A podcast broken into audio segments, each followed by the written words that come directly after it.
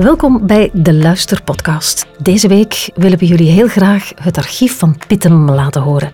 Een aflevering van Plantrekkers. Radiomakers Lucas de Rijke en Wederik de Bakker doorkruisten Pittem op zoek naar verhalen en anekdotes. Over feestelijke openingen, leven zonder je vrouw, over champignons en over dat heet dan gelukkig zijn. En op basis van de verhalen die ze tegenkwamen, maakten ze een korte muziekvoorstelling die op zondag 6 oktober te zien was in de bibliotheek van Pittem.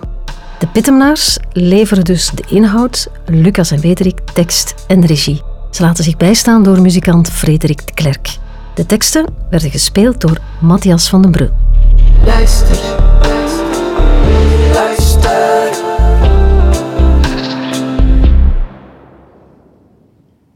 Goh. Ehm.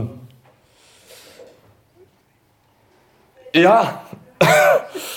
Eh, vent. Een moment. Uit mijn leven. Om een archief van te maken. Ja. Ja, eh... Zeg, wat vraagde je aan mij? Eh, eh, Maar jij- zet dat aan het opnemen? Ah, ah jij, gaat, jij gaat dat niet afspelen. Je gaat daar een tekstje van maken. En dan met een acteur. Waarom? Tja, een moment uit mijn leven. Moet dat een ongelukkig moment zijn? Nee. Ja. Moeilijk. Wat zeggen de andere mensen zoal?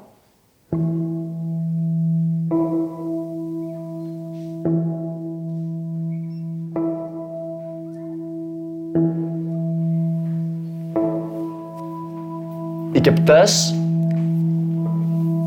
meer dan 500 klokken. Dat, dat, is begonnen met eentje, eh 15 jaar geleden. Dat was een, kapotte klok die dat ik hersteld heb. En, en daarna zijn er steeds meer klokken gekomen. Ik heb er nu meer dan 500. En die staan allemaal gelijk. Dus als er nu iemand belt en het is 7 uur, dan moet ik even stoppen met praten, want dan beginnen al die klokken af te gaan. Ah ja, die staan allemaal gelijk. Ieder uur gaan die af. 7, 8, 9. In mijn slaapkamer hangen er drie grote klokken. Ik heb zelfs een Engelse klok. En die gaat omgekeerd. Die, die één staat links en die draait tegenwijzers in. Eh, toen, toen dat mijn vrouw doodging, ben ik veel mensen beginnen inviteren. Als je alleen bent, dan moet je daar wat moeite voor doen. Hè? De mensen komen niet vanzelf. Dus zorg ik dat ik altijd van alles in huis heb. Eh Omer. Duvel. Ka- Karmeliet. Porto voor de vrouwen. Eh, een stukje taart. Want als de mensen zich nu niet goed voelen... Je weet dat niet, hè?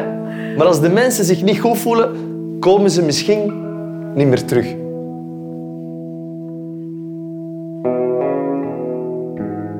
Je mag altijd eens komen, hoor. Nee, maar je bent welkom. Geen probleem. Het is, het is heel simpel. Als bij mij de rolluiken omhoog zijn, dan ben ik thuis.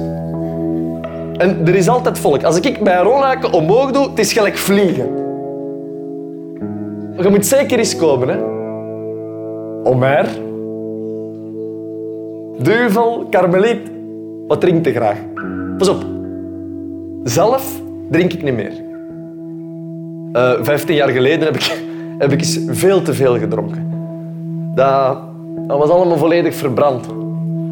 Ik heb drie dagen ijskoud spuitwater gedronken. Nee, maar serieus. Ik kon niks meer verdragen.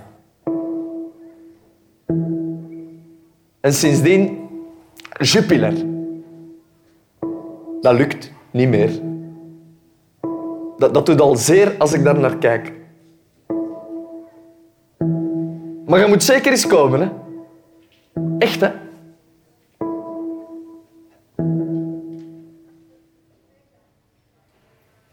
Ik, ik heb ehm, mijn hele leven champignons gekweekt. Op, op, op, op het bedrijf van mijn ouders. De schoon-champignons, die gaan in de blauwbakjes. Hè. Je, kent die misschien van, van, in de supermarkt. En dan de, de mindere, die worden direct gesneden. Die, die zijn voor de industriële keuken. Ehm, voor soep, uh, spa, spaghetti sauzen, eh, volle val, ah, dat, dat soort dingen. Dat is eigenlijk een schimmel, hè? Champignon. Stevige stam. Vlezige hoed. Champignons zijn heel gevoelig. Heel teer. Eh, Als die niet goed behandeld worden, dan gaan die dood. Je moet, je moet die met handschoentjes aanpakken. Handen wassen, botten afspoelen. En dan pas mocht je de stal in. Een lange kelder. Gigantische velden met zwarte aarde, compost. Paardenmest, eh, kippenmest, gips, stro en veel water. En dan dekaarde. 17 graden, zo warm moet het zijn. En de compost moet warmer zijn. 25 graden. En dan, ineens, ziet je plots witte koppetjes bovenkomen. Zes weken. Zo lang duurt het om één champignon te kweken. En dan worden die allemaal stuk voor stuk met de hand afgesneden.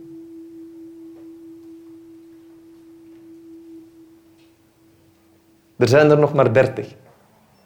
Champignonkwekers in België, 25 jaar geleden 130. En mijn ouders waren één van die 130, maar die zijn er ook mee moeten stoppen. Het was uh, te duur.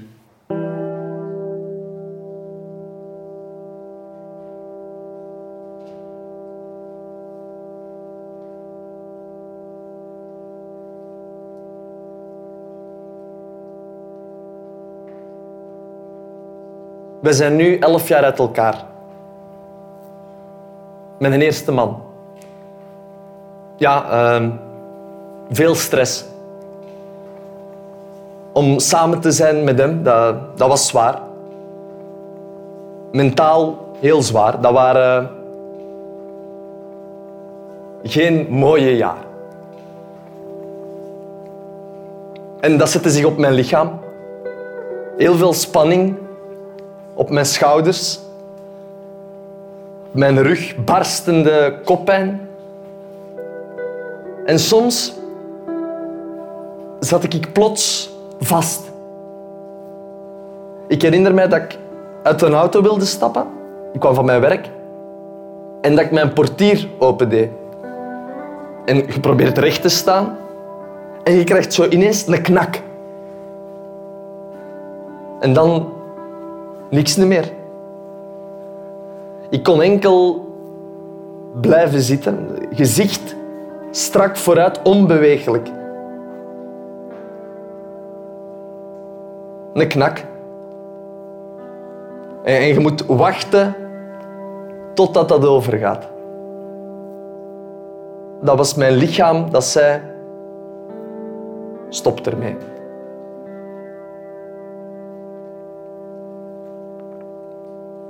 Maar ja, je zit in een bootje en je moet varen. Maar ik ben eruit gestapt. Dankzij mijn vader. Die kwam naar mij en die zei, je bent niet gelukkig. En ik zeg nee. Maar wat moet ik doen? Hè? En dan ben ik met mijn pa naar een advocaat geweest. Een die niet van de streek was. Mijn man mocht dat niet weten. Tot hij de brief kreeg, de, de dagvaarding. Dat was in juni. En ik ben vertrokken in oktober. Dat waren vier moeilijke maanden. Verhuisd. En opnieuw begonnen. Met niks. Eh, een zetel, eh, een bed, een kast, een tv, zo een zwartkijker.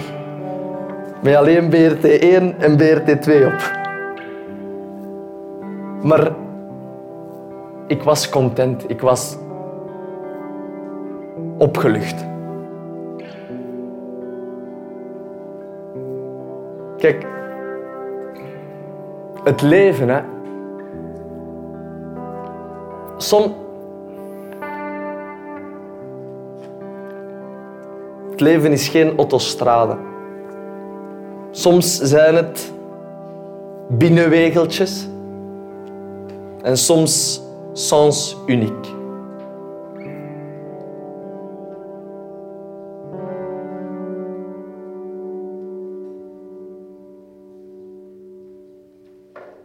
Ik, ik, ik ben een andere mens geworden. Ik ben een andere mens geworden. De dingen die de mensen erg vinden, ah, wel, dat vind ik minder erg. En dat is, dat is omdat ik al een beetje verruiming heb. Toen ik eh, 17 was, ben ik op zee gegaan. Op de lange omvaart. Ik heb dat zes jaar gedaan en dan vorig jaar gestopt, maar dat blijft. Kijk, dat blijft. Dat blijft mij, dat, dat is een andere dimensie. Je zit op zee en de wereld van hier verdwijnt. En elke dag is anders. Je ziet landen. Je ziet de zee. Maar je hebt ook lucht. En de wolken. De zon die ondergaat. Bliksem, dat is ook speciaal. En je kijkt naar de sterren, en als je nu in het zuidelijk halfrond bent, hè,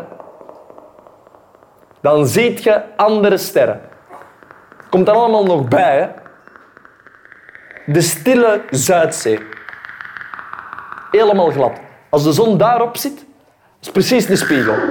Oh, je zit op zee, het stormt. Die een boot begint te schudden. Die golven zijn zo hoog. Dat is een gigantische muur. Ah, wel, dat moment. Dat moment. Het is alsof de zee op uw kop gaat vallen. Je bent in extase. Je denkt niet aan bang zijn. Trouwens, je kunt ook niet bang zijn.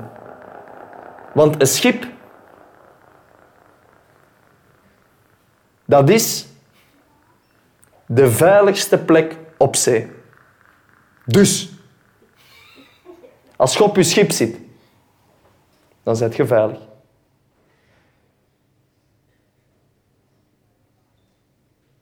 Goedemiddag. Uh, goedemiddag. Hoe gaat het u? Met. Hoe gaat het met u? Met mij? Goed. Woon Pietem. Ik, eh, ik, ah, ik woon Pietem in. Ik woon in Pietem. Huis. Ik woon in Pietem. Huis in. Ik woon in Pietem in huis. Eh, vijf mannen. Eh, met, met vijf mannen. Eh, vrienden. Of Palestina, Syrië, Afghanistan, Iran, samen. Ehm, wonen. Ehm, kamer. Wonen samen. Maar altijd binnen. Samen praten. Ehm, naar elkaar. Eh, tegen? Ehm, samen praten tegen elkaar.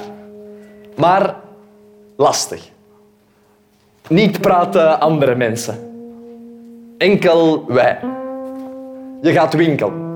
Eh, je kan niet bla bla bla bla bla bla bla. Eh, nee, lang denken, eh, dan zeggen, eh, tijd nemen. Maar les Nederlands. Elke week van 7 tot 12. Lang. Hoofd houden, ogen open. Lastig. Nederlands niet zo moeilijk. Maar praten met mensen moeilijk.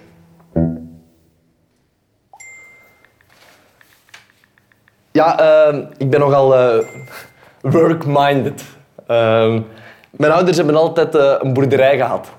En, en voor mij, vakantie, dat was naar school gaan. Ah ja, want op school moest je niet werken. oh. het, beste moment van mijn leven. Uh, ja, dat, dat, was, de opening van mijn kantoor. Dat, dat, was echt een topmoment. Mijn pa, mijn pa was geen voorstander van die zaak. Maar wie stond er hier? Vier gelijk een gieter. Mijn pa. Drie dagen hebben wij hier gefeest. Iedereen was hier. Maar dat was, dat was zot. Er zijn, er zijn mensen al kotsend met een kruiwagen naar huis gevoerd. De, la oh, de, laatste, de laatste avond. De laatste avond heb ik per ongeluk een dure fles champagne op mijn teen laten vallen. Naar het spoed gevoerd in het gips. Mijn tenen kwamen juist uit die gips. Dat was, dat was een mooi beeld op mijn eerste werkdag. Ondertussen hebben wij trouwens al een tweede kantoor geopend. Ik heb vijf mensen in dienst. Het gaat goed. Uh, privé? Ah, maar ik, ik, ik heb eigenlijk geen privé. Ik werk. Punt. Ik heb geen man, ik heb geen kinderen. Ik ben de uber-emancipatie. Als ik thuis kom, een lege frigo, alle frietkoten kennen mijn adres. Ik ben een keiharde werker. En dat is wat ik mis in de jeugd. De drive om te werken. Ik, ik, ja, ik ben work-minded. Maar de jeugd, de jeugd wil gewoon hun uren doen. Acht uur, deur toe en klaar. Vaderschapsverlof, dertiende maand. En je moet ze niet vragen om eens een half uur langer te blijven. Hè? Of, of, of om in het weekend te werken. Want dan, dan moet er van alles gebeuren. En ze, verwacht, ze verwachten er ook te veel van. Van die vrije tijd. En dan zijn ze ontgoocheld dat het niet perfect is. Maar het is niet omdat je tijd neemt om gelukkig te zijn, dat je ook gelukkig gaat worden.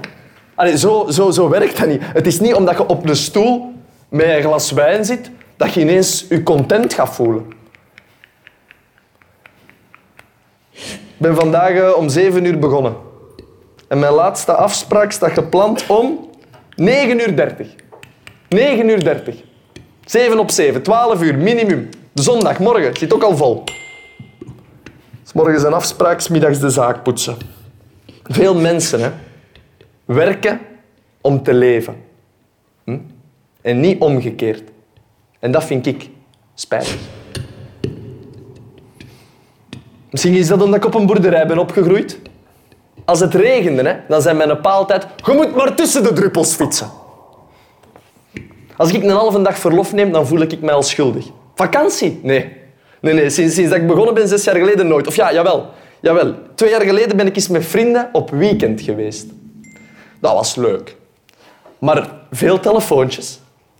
Mensen van het kantoor, klanten. Ik had al zin om naar huis te gaan op dag twee. Ik woon nu drie maanden hier, in Pittem, naast het kantoor. Ik had mezelf voorgenomen om de zondag niet meer te werken. Dat is nog niet gelukt. Maar het is de bedoeling dat het zou moeten beginnen lukken. dat ik eens naar een familiefeest kan. Dat, is ook nog, dat moet ik nog... Dat was ook een topper uit mijn leven. Dat één jaar in Gent. Al de frustraties van mijn puberjaren in één keer eruit. Waar ik, waar ik gestudeerd heb. Eh, ja, waar was dat? Achter Café de Karper. Ehm, niet ver van, van de Comilfo in Gent. Uh, mijn pa had dat gekozen. Zo ging dat. Hè. Mijn pa koos de studierichting. Wij kregen wij één kans en we moesten dat niet verkloten of we moesten gaan werken. Nu, in dat eerste semester had ik maar één buis. En ik dacht, shit, als ik zo doordoe, dan ga ik volgend jaar terug moeten komen. Dus in dat tweede semester ben ik niet meer naar de lessen geweest en heb ik geen examens afgelegd, dik gebuist, terug naar huis en kunnen beginnen werken. Ik ben eerst administratief bediende geweest en ondertussen zes jaar cursussen gevolgd en dan nu een eigen kantoor. Excuseer, sorry. Hallo, met Ilse, waarmee kan ik helpen? Nee. Nee, ik zou, ik zou haar dat niet aanraden. Nee, dat, is een, dat, is een veel te zware afbetaling. Die gaat keihard moeten werken. Ja, maar ik heb het daar ook gezegd. Ik zeg, zoekt u iets kleins, zoekt u iets fijns, want anders je gaat de slaaf worden van uw eigen huis. Nee, ze mag, ze mag dat echt niet doen. Ze mag dat echt, echt, echt niet. Maar wilde jij het daar dan ook nog eens zeggen? Ja, oké. Ja, dag. Dank je, dag. Ik kan dat nog grap.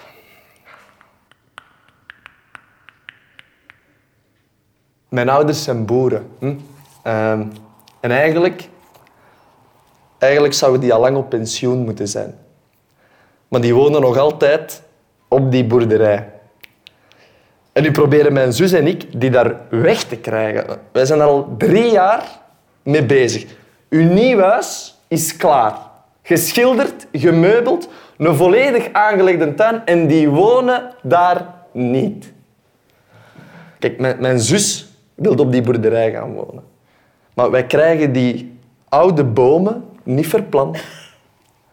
Maar ze hebben gezegd, volgend jaar stoppen we met werken. Maar dat zeiden ze vorig jaar ook al. Dat is een radio. Ik heb die op het stuur van mijn fiets gemonteerd. Maar als je, als je, als je wilt, kan ik hem eens aanzetten hoor.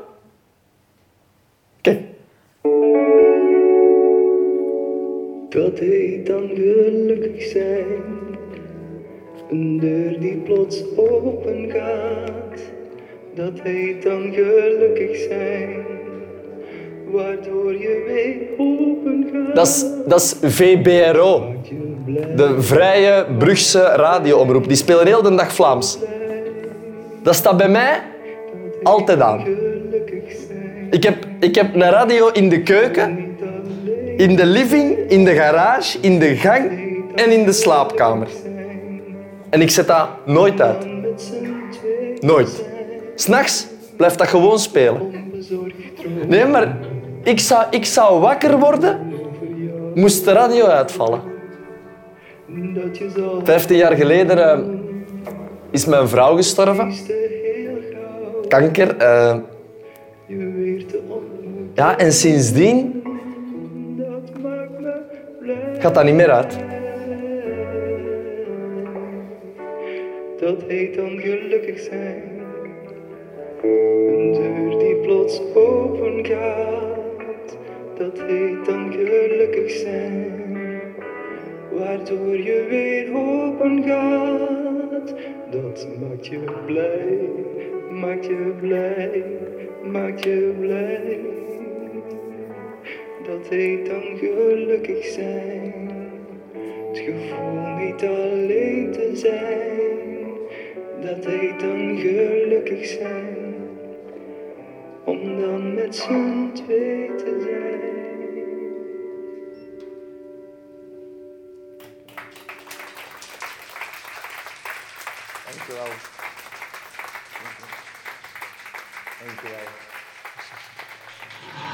Dit was een aflevering van Plantrekkers. Luisteren naar de podcast van Luister is gratis, maar een vrije donatie dat mag altijd. Met een gift van 5 euro bijvoorbeeld help je ons al een eind op weg om jou dan weer nieuwe afleveringen te kunnen aanbieden. Op luister.be zie je hoe je ons kan steunen en dat wordt zeer geapprecieerd. Luister.